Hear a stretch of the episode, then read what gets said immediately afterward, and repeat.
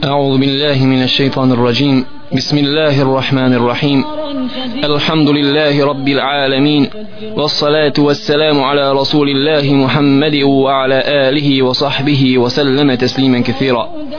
وأشهد أن لا إله إلا الله وحده لا شريك له وأشهد أن محمدا عبده ورسوله. أما بعد Poštovani slušalci, Assalamu alaikum wa barakatuh. Pisac knjige o Tevhidu spomenuo je jedno poglavlje koje govori o tome da se nekolje životinje u ime Allaha na mjestu gdje se prenosi žrtva nekome mimo njega subhanahu wa ta'ala. I u ovome poglavlju spomenuo je jedan kuranski ajet iz sure At-Tauba gdje kaže uzvišeni Allah أعوذ بالله من الشيطان الرجيم. والذين اتخذوا مسجدا ضرارا وكفرا وتفريقا بين المؤمنين وارصادا لمن حارب الله ورسوله من قبل. ولا يحلفن إن أردنا إلا الحسنى. والله يشهد إنهم لكاذبون. لا تقم فيه أبدا. لمسجد أسس على التقوى من أول يوم حق أن تقوم فيه. فيه رجال يحبون أن يتطهروا. Wallahu yuhibbul mutahhirin. Gdje kaže uzvišeni Allah subhanahu wa ta'ala obraćajući se Muhammedu sallallahu alaihi wa sallam da su munafici napravili jedan mezđid da time naruše jedinstvo muslimana i da naprave štetu muslimanima i radi kufra činjenja nevjerstva u njemu i da bi razjedinili mu'mine i da bi napravili u tom mezđidu zamku muslimanima na taj način što bi to bila potpora nevjernicima vizantijcima gdje bi se organizovali u tome mezđidu i odatle napali Allahu poslanika Muhammeda sallallahu alaihi wa sallam i onda je zabranio Allah subhanahu wa ta'ala Muhammedu sallallahu alaihi wa sallam da u ovome mezđidu ne smije doći i klanjati a s druge strane naredio je Allahu poslanik sallallahu alaihi wasallam da se sruši ovaj mezđid koji je napravljen iz ove svrhe. O čemu se zapravo radi? Radi se o tome draga braćo i sestre da je jedan od pokvarenjaka Ebu Amir Allah ga prokleo nakon što je organizovao pohod mušrika na Medinu i opsadu Medine u poznatoj bici bici na Hendeku. Pobjegao je i da zatraži utočište od vizantijskog kralja.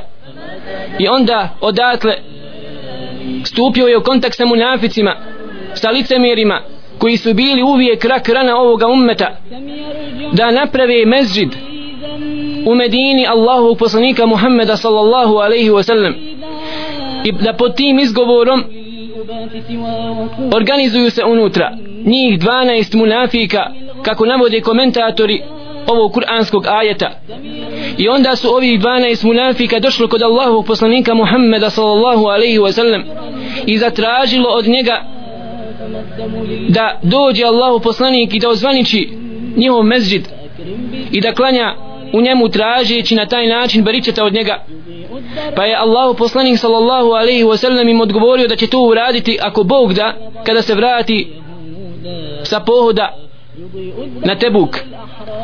Pa kada je bio na povratku sa Tebuka na dan hoda ili nešto manje od toga uzvišeni Allah subhanahu wa ta'ala objavio ovaj kuranski ajet gdje je zabranio Allahovom poslaniku Muhammedu sallallahu alaihi wa sallam da ne smije otići u taj mezđid i klanjati. Zato što je Allah subhanahu wa ta'ala obavijestio Muhammeda sallallahu alaihi wa sallam o nijetu, o namjeru o namjeri ovih dvoličnjaka i ovih licemira, ovih munafika šta su htjeli s time mezđidom nisu htjeli sa njime da se u njemu čini ibadet i da se veliče Allah subhanahu wa ta'ala nego su na taj način htjeli štetu muslimanima i htjeli raz, razbiti jedinstvo razbiti saf muslimana. Pa je onda Allah naredio Allahom poslaniku sallallahu alaihi wa sallam da klanja i da obavlja namaz u mezđidu koji je napravljen radi bogobojaznosti a to je mezđid Kuba prvi mezđid u islamu koga je sagradio Allahu poslanik Muhammed sallallahu alaihi wasallam pa su došli ovi munafici ovi licemjeri kao što je to bio njih njihov običaj uvijek da se izvinjavaju Allahom poslaniku Muhammedu sallallahu alaihi wasallam i da mu mažu oči. Kao što je to osobina uvijek svih munafika. Kada počini neko zlo prema muslimanima i izvrše izdaju njihovu nastoji da zamažu oči muslimanima. Došli su ovi munafici Allahom poslaniku Muhammedu sallallahu alaihi wasallam i rekli zakleli se. In aradna illa al-husna. Mi nismo htjeli sa ovim mezidom osim dobro pogledajte draga braćo. Kažu nismo htjeli gradnjom ovog mezida ništa drugo osim dobro. Bio nam iskren nijet. I ovako draga braćo ovo je osobina munafika. Oni svoje loše postupke opravdavaju dobrim i nastoji da prikažu ljudima da ono što oni radi da je to dobro. A s druge strane nastoje dobre stvari da prikažu lošim i ovo je njihova osobina. Draga braćo i sestre u svakom vremenu i u svakom prostoru. Međutim Allah subhanahu wa ta'ala i je razotkrio u Kur'anu i potvrdio da su oni lašci pa je rekao u ovom kur'anskom ajetu Wallahu ješhedu innahum lakazibun. Allah svjedoči doista su oni oni doista su oni veliki lažovi lašci nemoj vjerovati Muhammeda sallallahu alaihi wasallam i nemoj nasjedati na te njihove priče jer znaj da Allah subhanahu wa ta'ala gospodar nebesa i zemlje gospodar koji sve zna zna šta je u njihovim prsima treba da znaš Muhammeda sallallahu alaihi wasallam da su oni lašci zato draga braćo i sestre treba da znamo da su oni lašci u svakom vremenu i u svakom prostoru i nemojmo nasjedati na njihove lijepe priče i na njihova lažna obećanja i na lažna opravdanja jer doista Allah svjedoči da su oni lašci Allah im je posvjedočio da su oni takođe ljudi krnjavog mozga i krnjave pameti. Oni ne znaju voditi ispravnu politiku. Oni ne znaju svoje postupke kontrolisati i rade i čine postupke koji priliče djeci. Allah subhanahu wa ta'ala u suri An-Nisa je opisao djecu da su oni da su djeca općenito manjkavog i krnjavog razuma i zabranjuje da se daje djeci i metak u ruke jer za stotinu maraka kupit će nešto što vrijedi samo deset maraka bit će prevaren. Zbog ove stvari Allah je nazvao djecu da su oni krnjave pameti krnjavog razuma. Sa ovom istom osobinom uzvišeni Allah subhanahu wa ta'ala opisao munafike pa kaže ala innahum humus sufaha. Doista su nevir doista su munafici. Doista su licemjeri oni koji ne znaju postupati ispravno. Ne razboriti se u svojim postupcima. Zato draga braćo mi vidimo šta oni u čim srcima je bolest. Oni koji su krnjave i manjkave pameti. Oni koji su lažovi. Šta rade sa muslimanskim narodom? Na bilo kojem dijelu ove zemaljske kugle zar je logično draga braćo da čovjek ispravnog razuma razuma ispravnog razuma zar je moguće da može prodati oružje koji su muslimani dobili kao poklon ovdje na ovim prostorima? Zar je ispravan razum onog čovjeka koji potpiše draga braćo i sestre hediju, poklon i proda 51 milion oružja vrijednog najvećem neprijatelju islama i muslimana Izraelu. Zato treba da znamo draga braćo da uzvišeni Allah subhanahu wa ta'ala je opisao njih da su oni krnjavog razuma pa je zabranio da se takvim ne smije dati imetak. Pa kaže uzvišeni Allah wala tu'tu sufaha amwalakum allati ja'ala Allahu lakum. Nemojte davati ovim ovoj djeci koji su krnjavo, krnjave pameti nemojte im dati imetak jer će upropastiti. Tako isto ne smije se dati vlast onome ko ne zna voditi je i ne zna usmjeravati. Kako dragi brati i sestro nakon svih ovih događanja na ovim prostorima možeš da povjeruješ da oni zaslužuju i da odlučuju o stvarima tvojim koji se tebe lično tiču ovdje na ovim prostorima? Zato treba da gledaš očima Kur'ana i sunneta Allahovog poslanika Muhammeda sallallahu alaihi wa sallam i da znaš da su to ljudi krnjave pameti i oni su laževi kako kaže uzvišeni Allah subhanahu wa ta'ala oni ne vide dalje od svoga nosa zbog čega zato kako kaže Allah subhanahu wa ta'ala ذلك بأنهم قوم لا يفقهون to je zato što su oni ljudi koji ne razumiju na njihovim srcima je koprena jeste draga braćo na njihovim srcima je koprena i oni ne vide dalje od svoga nosa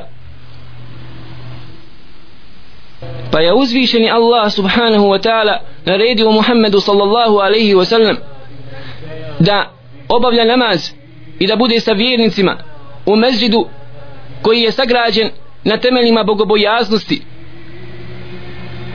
A to taj mezđid jeste na osnovu većine islamskih učenjaka mezđid koji se zove mezđid u Kuba koga je sagradio Allahu poslanik sallallahu alaihi wa sallam nakon što je došao u Medinu iz Mekke napravio je ovaj mezid i na ovom stanovištu da se u ovom kuranskom ajetu podrazumijeva mezid Kuba draga braćo i sestre stoji većina islamskih učenjaka i među njima sam Ibn Abbas radi Allahu ta'ala anhuma.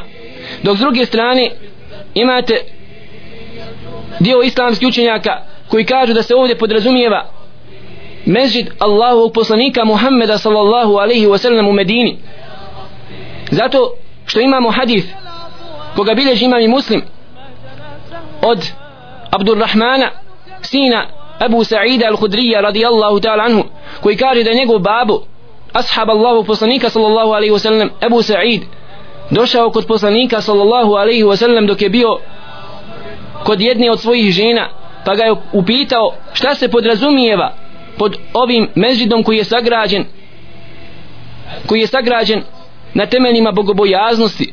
Pa je rekao Allahu poslanik sallallahu alaihi wasallam to je moj mezđid međutim kaže Ibn Kathir rahmetullahi alaihi u svome tefsiru da nema uopće kontradiktornosti između ova dva mišljenja a to je da ovaj kuranski ajet vanštinom svojom upućuje na mezid Kuba jer on je sagrađen prije mezida Allahu poslanika sallallahu alaihi wasallam ali da isto pod njim se podrazumijeva i mezđid Allahu poslanika sallallahu alaihi wasallam.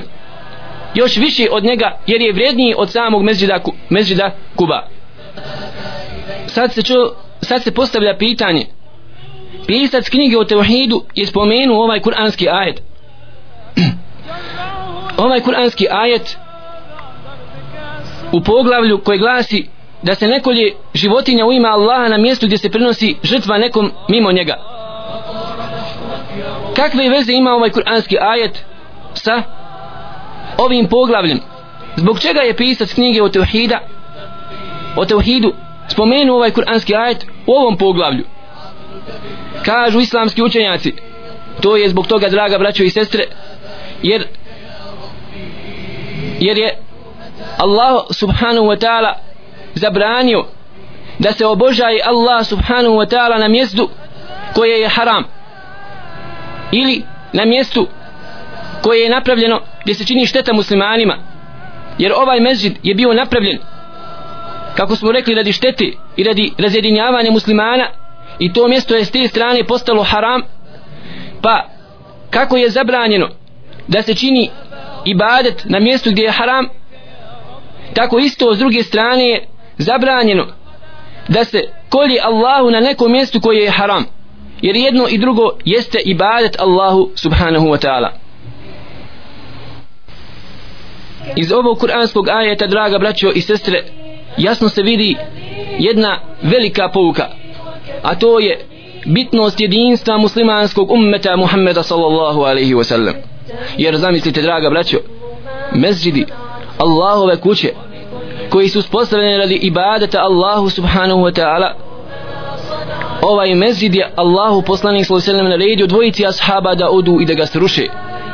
Zbog čega? zato što je napravljen iz cilja razjedinjavanja muslimanskog ummeta.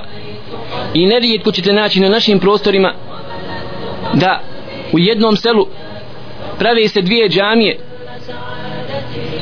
par stotina metara samo jedna od druge iz inata iz zlobe i zavisti jednih prema drugim i na taj način pravi se nejedinstvo u redovima u safu muslimanskog naroda. Zato draga braćo jedinstvo muslimana je veoma bitno. Do te mjere draga braćo i sestre da je Allahu poslanik sallallahu alejhi ve sellem čak naredio naredio ovoj dvojici ashaba da sruši ovaj mezđid Allahovu kuću zato što je produkt njen razjedinjavanje i na jedinstvo muslimanskog ummeta. Do te mjere draga braćo da nije dozvoljeno da muslimani imaju dvojicu vođa. Ne smiju biti u islamskoj državi dvojica halifa. Kako kaže Allahu poslanik sallallahu alejhi ve sellem ako se pojave dvojica vladara jedan od njih mora se ukloniti. Kako kaže jasno Allahu poslanik sallallahu alejhi ve sellem do te mjeri da kažu islamski učenjaci hađ je onda kada idu muslimani na hađ da se bude jedinstvo jedinstvo na stajanje na arefatu da bude jedinstvo oko, kada je u pitanju tavaf oko kjabe kada je u pitanju bacanje kamenčića da bude u istom danu i u istom vremenu. Do temeli kako smo rekli da kažu islamski učenjanci fekihi da je hađ onda kada muslimani idu na hađ. Zato draga braćo i sestre vodimo računa o našem jedinstvu. Vodimo računa o jedinstvu koji nam je kako sada potrebno. I budimo spremni da jedni drugima opraštamo u ime Allaha subhanahu wa ta'ala. Pa ako ima kod nekog muslimana određenih grešaka i određenih harama prijeđimo preko toga halalimo mu jer u pitanju je naš opstanak ovdje u pitanju je naš biološki opstanak ovdje. Zato ako se nađeš u situaciji da imaš licemjera da imaš licemjera koji će biti pošten ali će te izdati izdaće tvoju vjeru izdaće sutra tvoj biološki opstanak i dovesti ga u pitanje ovdje na ovim prostorima treba da znaš da ti je musliman koji pada Allahu na seždu pa makar imao kod sebe i nekih grijeha i harama draga braćo preći jer taj musliman te neće izdati. Jer on voli Allaha voli poslanika Muhammeda sallallahu alaihi wa sallam. Ovakvom čovjeku je posvjedočio Allahu poslanik sallallahu alaihi wa sallam ljubav draga braćo i pored toga što je pio alkohol. Poznati slučaj svima vama onoga čovjeka pijanice draga braćo i sestre koji je doveden par puta kod Allahu poslanika sallallahu alaihi wasallam i bičovan zbog toga što je pio alkohol. Pa jedno da sahaba ga nagrdio i pogrdio i rekao ružne riječi o njemu. Pa je zabranio Allahu poslanik sallallahu alaihi wasallam ovom ashabu da ga vrijeđa i rekao nemoj da ga psuješ nemoj da ga vrijeđaš jer on voli Allaha i voli poslanika. Zato draga braćo i sestre moramo da vodimo računa oko ovih stvari. Je li brat musliman ili sestra muslimanka? Da voli Allaha, voli poslanika, voli Allahu vjeru i da neće da izdaju muslimanski narod treba i da budu preči od bilo koga drugog. I pusti ako možeš neka te hoda po glavi tvoj brat je musliman, to je tvoja sestra muslimanka. Neće te izdati za razliku od licemjera koji će prodati tvoju kožu i prodati tvoju krv i ostaviti na cjedilu draga braćo kako to poznata stvar iz Sirije Allahu poslanika Muhammeda sallallahu alaihi wa sallam kako su uvijek ostavljali munafici muslimane u najtežim, u najkriznijim momentima i prodavali njihove kože i prodavali njihovu krv kako je to bio poznat slučaj Abdullah ibn Ubej ibn Salula poznatog munafika koji je izdao muslimane u bitci na Uhudu kada se povukao sa tri stotine munafika iz redova Muhammeda sallallahu alaihi wasallam. Budi dragi brate i sestro sa onima koji su čisti koje uzvišenje Allah pohvali u ovom kuranskom ajetu a to su ashabi muslimani odani robovi Allaha subhanahu wa ta'ala koji Allah pohvalio zato što obavljaju namaz i mole se Allahu subhanahu wa ta'ala u mezidu Kuba pa kaže uzvišenje Allah fihi rijalu yuhibbuna an yatahharu u njemu u mezidu Kuba su ashabi ljudi ljudi koji vole da se čiste draga braćo. A Allah wallahu yuhibbul mutahhirin a Allah voli one robove koje se čiste. Jeste draga braćo i sestre ovako je Allah subhanahu wa ta'ala pohvali ummet Muhammeda sallallahu alaihi wa sallam da su oni čisti.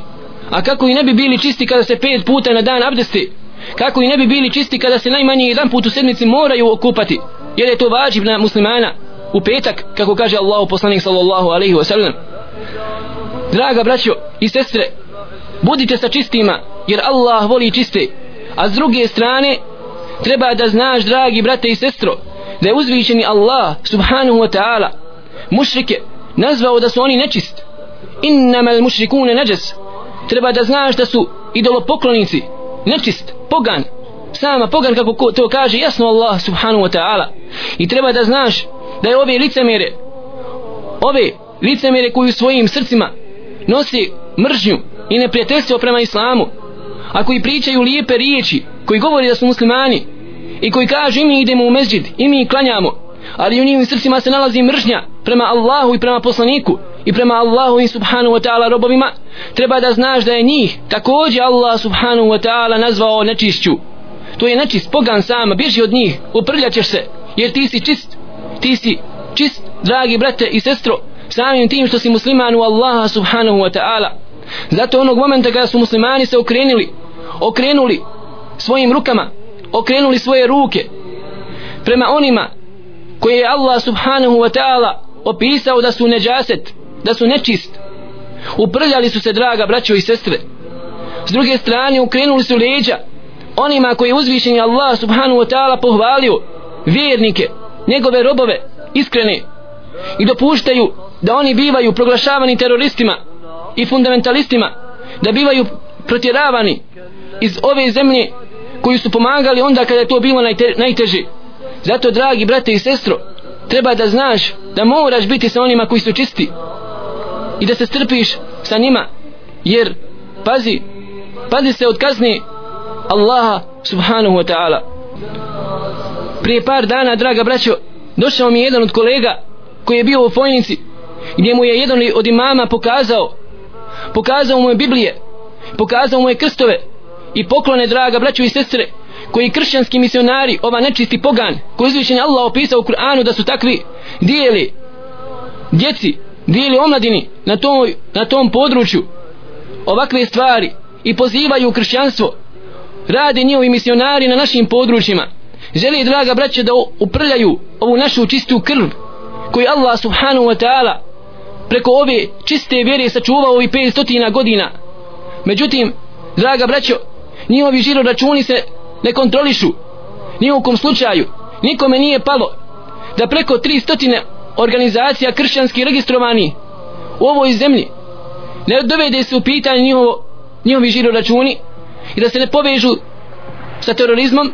Međutim par još islamske organizacija draga braćo i sestre koji funkcionišu na ovim područjima i radi nešto za dobrobit ovog naroda i ove sirođati i ove bijedi napaćene ovdje se dovodi sa svim drugim što ne valja. Kako to draga braćo i sestre? Zašto ne bude aršin za sve isti? Zašto draga braćo i sestre ne bude aršin i za ove koji dolaze i šire nama ovdje?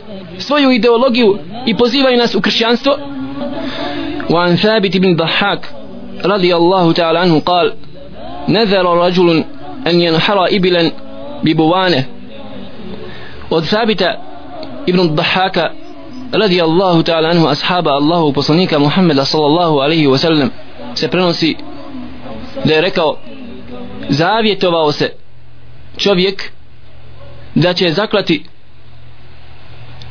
nekoliko deva na jednom mjestu koji se zove Buvane koji se nalazi nedaleko od Mekke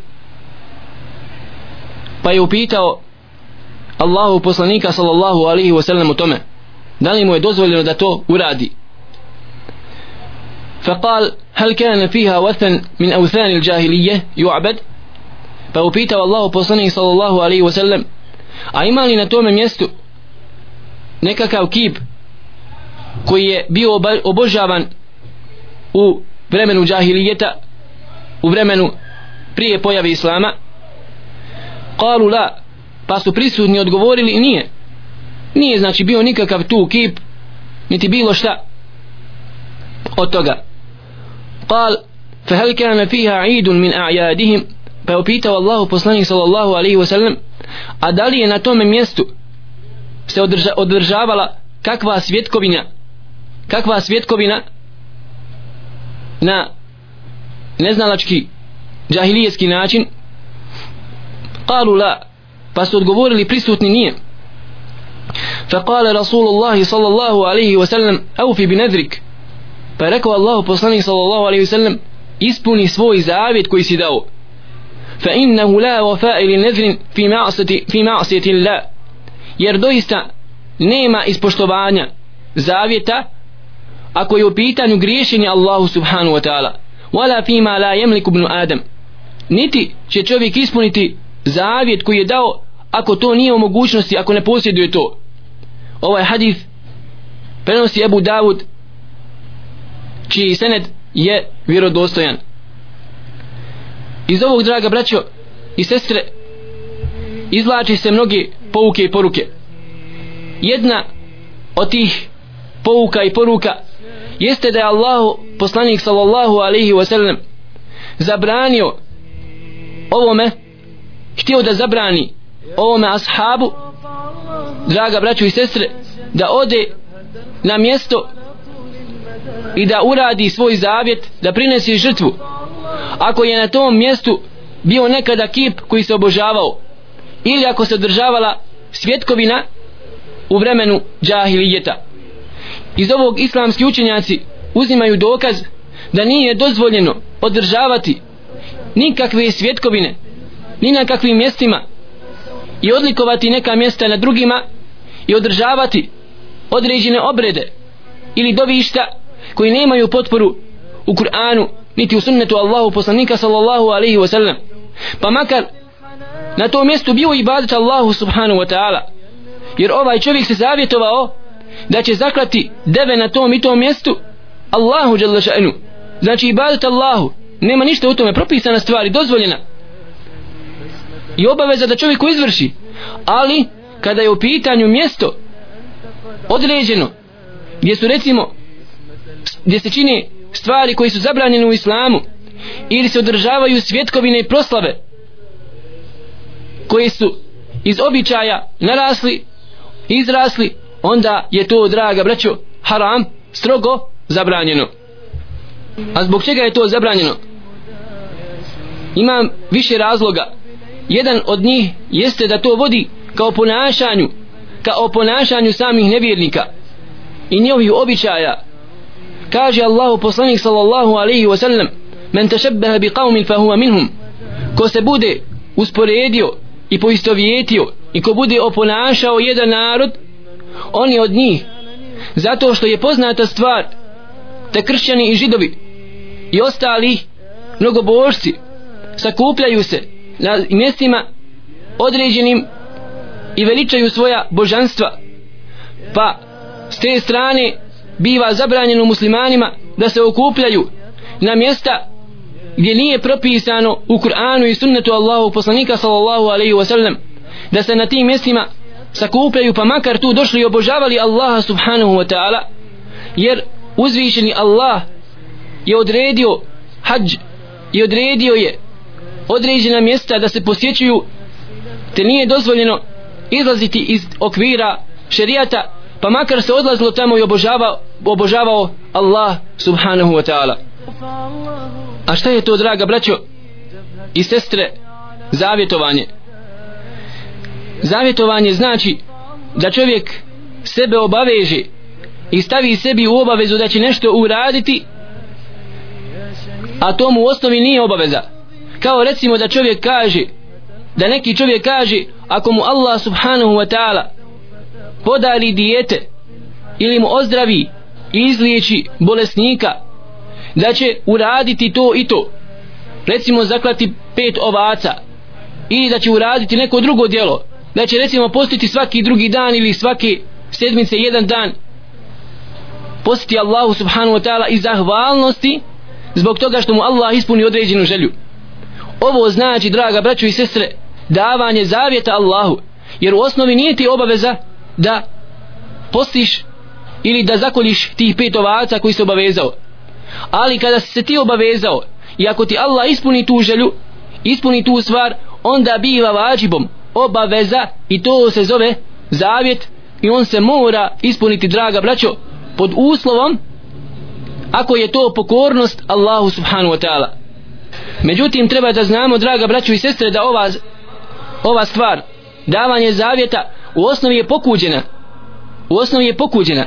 Znači stvar koja nije lijepa jer kaže Allahu poslanik sallallahu alaihi wa sallam da ovako zavjetovanje ne dolazi sa dobrim nego wa in nema yustakhraju bihi min al bakhil nego to samo biva način da se iščupa od toga čovjeka koji je škrt to dobro djelo jer ne bi ga drugačije uradio. Zato draga braću i sestre to biva me kruhom biva pokuđeno da čovjek uradi ovako djelo da se zavjetuje na ovakav način. Ali ako se zavjetuje i Allah mu ispuni tu želju onda mu biva obaveza i onda je Allah pohvalio one koji ispunjavaju svoje zavjete. Znači kada već se desi i Allah ti ispuni tvoju želju onda je na tebi da ispuniš obećanje i ako ga ispuniš onda bivaš od onih koji te Allah subhanahu wa ta'ala pohvalio. Zato da bismo bolje razumjeli stvar zavjeta i propisa oko njega trebamo da znamo da se on dijeli na nekoliko vrsta. Jedna od njih jeste onda kada zavjet postaje obavezan da se izvrši. A to je zavjet da će, kojim se zavjetuje čovjek da će se pokoravati Allahu. Kao recimo post ili određena na fila ili davanje sadake ili nečega drugog. I kaže Allahu poslanik sallallahu alaihi wasallam men nezera en yuti'a an yuti'a Allah fel yuti'a ko se bude zavjetovao u pokornosti Allahu da će pokorava se Allahu pa mu Allah znači ispuni tu stvar onda neka se pokorava neka izvrši svoj zavjet. Druga vrsta zavjeta jeste onaj zavjet koji biva haram da se on ispuni. A to je kao da čovjek kao kada bi se čovjek zavjetovao Allahu da će mu pogriješiti da nas Allah sačuva od toga. Onda u tom slučaju nije mu dozvoljeno da draga braću i sestre izvrši svoj zavjet jer kaže Allah poslanik sallallahu alaihi wa sallam وَمَنْ نَذَرَ أَنْ يَعْصِيَ اللَّهِ فَلَا يَعْصِهِ ko se bude zavjetovao da će pogriješiti Allahu neka mu ne griješi znači nije mu dozvoljeno tada ispuniti zavjet treća vrsta zavjeta jeste onaj zavjet koji biva za neko dijelo koji u osnovi dozvoljeno da se uradi onda u tom slučaju čovjek ima izbora draga braćo i sestre ili da ispuni taj zavjet ili da ga prekrši ali onda mora da plati kefaret otkupninu za njega koji biva na isti način kao kada bi čovjek prekršio neku zakljetvu kao recimo kada bi se zaklio Allahom pa ne ispuni to obećanje onda mora da izvrši otkupninu da da kefaret koji se sastoji ili da čovjek oslobodi roba jednoga ako ili ili ako hoće da nahrani deset siromaha od središnje hrane kojom on hrani svoju porodicu ili da obuče deset siromaha od odjeće središnje kojom on odjeva svoju porodicu. Ako ne može ove jednu od ovih tri stvari one su na izboru znači bilo koju od ovih stvari čovjek ako hoće da uradi može da uradi kada prekrši zakletvu kada se zaklete Allahom pa je prekrši može da uradi. Pa tek onda ako ne može ni jedno od ove tri stvari koje su po slobodnom izboru koju hoće od njih da uradi tek onda dolazi draga braću i sestre da čovjek posti tri dana. Zato nije ispravno i to je greška koju mnogi ljudi čine odma postoje tri dana za prekršenu zakletu što nije ispravno, što nije tačno. Njegov kefaret nije ispravan nego mora, ako može, ako je u mogućnosti da nahrani deset siromaha ili da ih odjene pa ako je siroma, ako ne može to da uradi tek onda mu biva dozvoljeno draga braćo i sestre da postoji tri dana za prekršenu zakletu. Međutim mi ovdje govorimo o zavjetu koji čovjek može znači ima izbora da ga uradi kao kada bi čovjek zavjetovao se ako mu Allah dadne to i to da će recimo obući neku vrstu odjeći e onda može ili da izvrši zavjet ili da prekrši taj zavjet ali da plati kefaret za prekršenu zakletvu. Također imate četvrtu vrstu zakletve a to je zakl, zavjeta četvrtu vrstu zavjeta. A to je kao kada bi se čovjek zavjetovao u sržbi. Znači u velikoj sržbi. I onda ako se desi to i to ja ću rat Allahu to i to. Međutim on bude u momentu sržbi. Onda u tom slučaju draga braćo ima također mogućnost ili da izvrši taj zavjet ili da da otkupninu kefaret za prekršenu zakletvu također ako zavjet bude za neku stvar koja je mekruh onda draga braćo biva također mekruh pokuđeno da čovjek izvrši taj svoj zavjet ali bolje je s druge strane da da otkupninu za prekšenu zakletu. I šesta vrsta zavjeta jeste kada bi se čovjek općenito zavjetovao Allahu ali ne bude ništa odredio da će uraditi. Kao recimo kada bi rekao neki čovjek ako mu Allah izliječi dijete na njemu je zavjet. I ne bude ništa rekao uradit će ovo ili neće uraditi ili nešto drugo. E onda u tom slučaju draga braćo on treba da plati otkupninu kao da je prekršio zakljetvu kako smo to naveli. I ovako draga braćo i sestre uzvišeni Allah i njegov poslanik Muhammed sallallahu alaihi wa sallam su propisali ummetu Muhammeda sallallahu alaihi wa sallam dva bajrama dvije svjetkovine u toku godine a to je kurban bajram i ramazanski bajram i propisan je sedmični praznik sedmična svjetkovina ako se može tako navesti i nazvati a to je dan petka kako je Allah poslanik sallallahu alaihi wa sallam obavijestio da je Allah subhanahu wa ta'ala izabrao taj dan za praznik za svjetkovinu muslimana. Sve draga braćo i sestre sve druge svjetkovine i svi drugi praznici u islami u islamu bivaju haram i zabranjeno je odlaziti na bilo koja druga mjesta ili u određenom vremenu slaviti i proslavljati nekakve događaje koji nemaju znači nikakvog oslonca u islamu jer Allah subhanahu wa ta'ala je izabrao ummetu Muhammeda sallallahu alaihi wa sallam ova dva praznika. I oni trebaju u njima samo da se veseli i da u njima svjetkuju. Međutim danas vi vidite draga braćo i sestre skoro da ne može proći sedmica a da ne imamo praznik ovaj praznik onaj proslava ova dovište ono i tako tokom čitave godine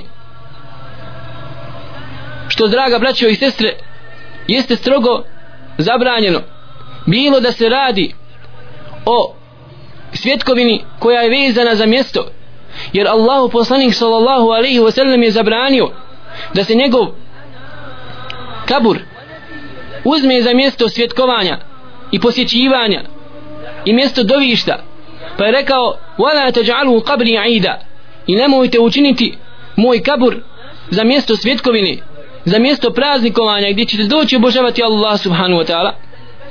Pa ako je zabranio Allahu poslanik sallallahu alaihi wa sallam da se uzme njegov kabur za mjesto praznikovanja kako onda da se uzme neko drugo mjesto draga braćo nekog drugog čovjeka i da se odlazi na njega i svijet koji je praznikuje i da se sa njega dovi Allahu subhanahu wa ta'ala. Kao što s druge strane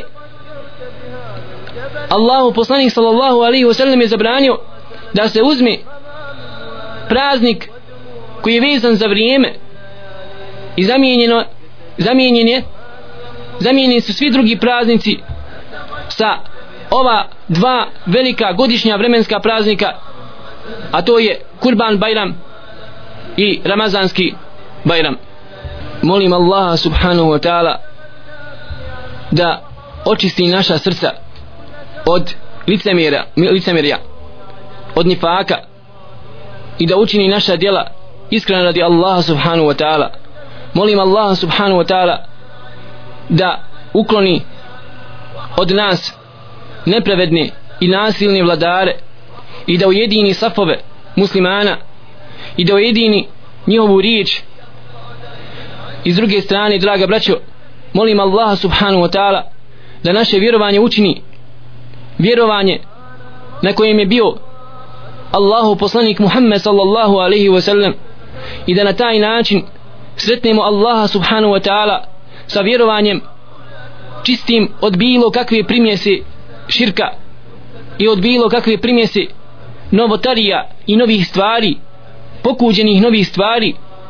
I ovako srce koje dođe čisto Allahu subhanahu wa ta'ala bit će spašeno kako kaže uzvišeni Allah يوم لا ينفع مال ولا بنون إلا من أتى الله بقلب سليم toga dana neće koristiti čovjeku niti njegovi metak niti njegovi sinovi i djeca osim ko dođe Allahu subhanahu wa ta'ala sa srcem čistim kažu islamski učenjaci sa srcem čistim od bilo kakve primjese širka sa potpuno čistim vjerovanjem wa akhiru da'wana alhamdulillahi rabbil alamin وصل اللهم على نبينا محمد وعلى آله وصحبه وسلم تسليما كثيرا.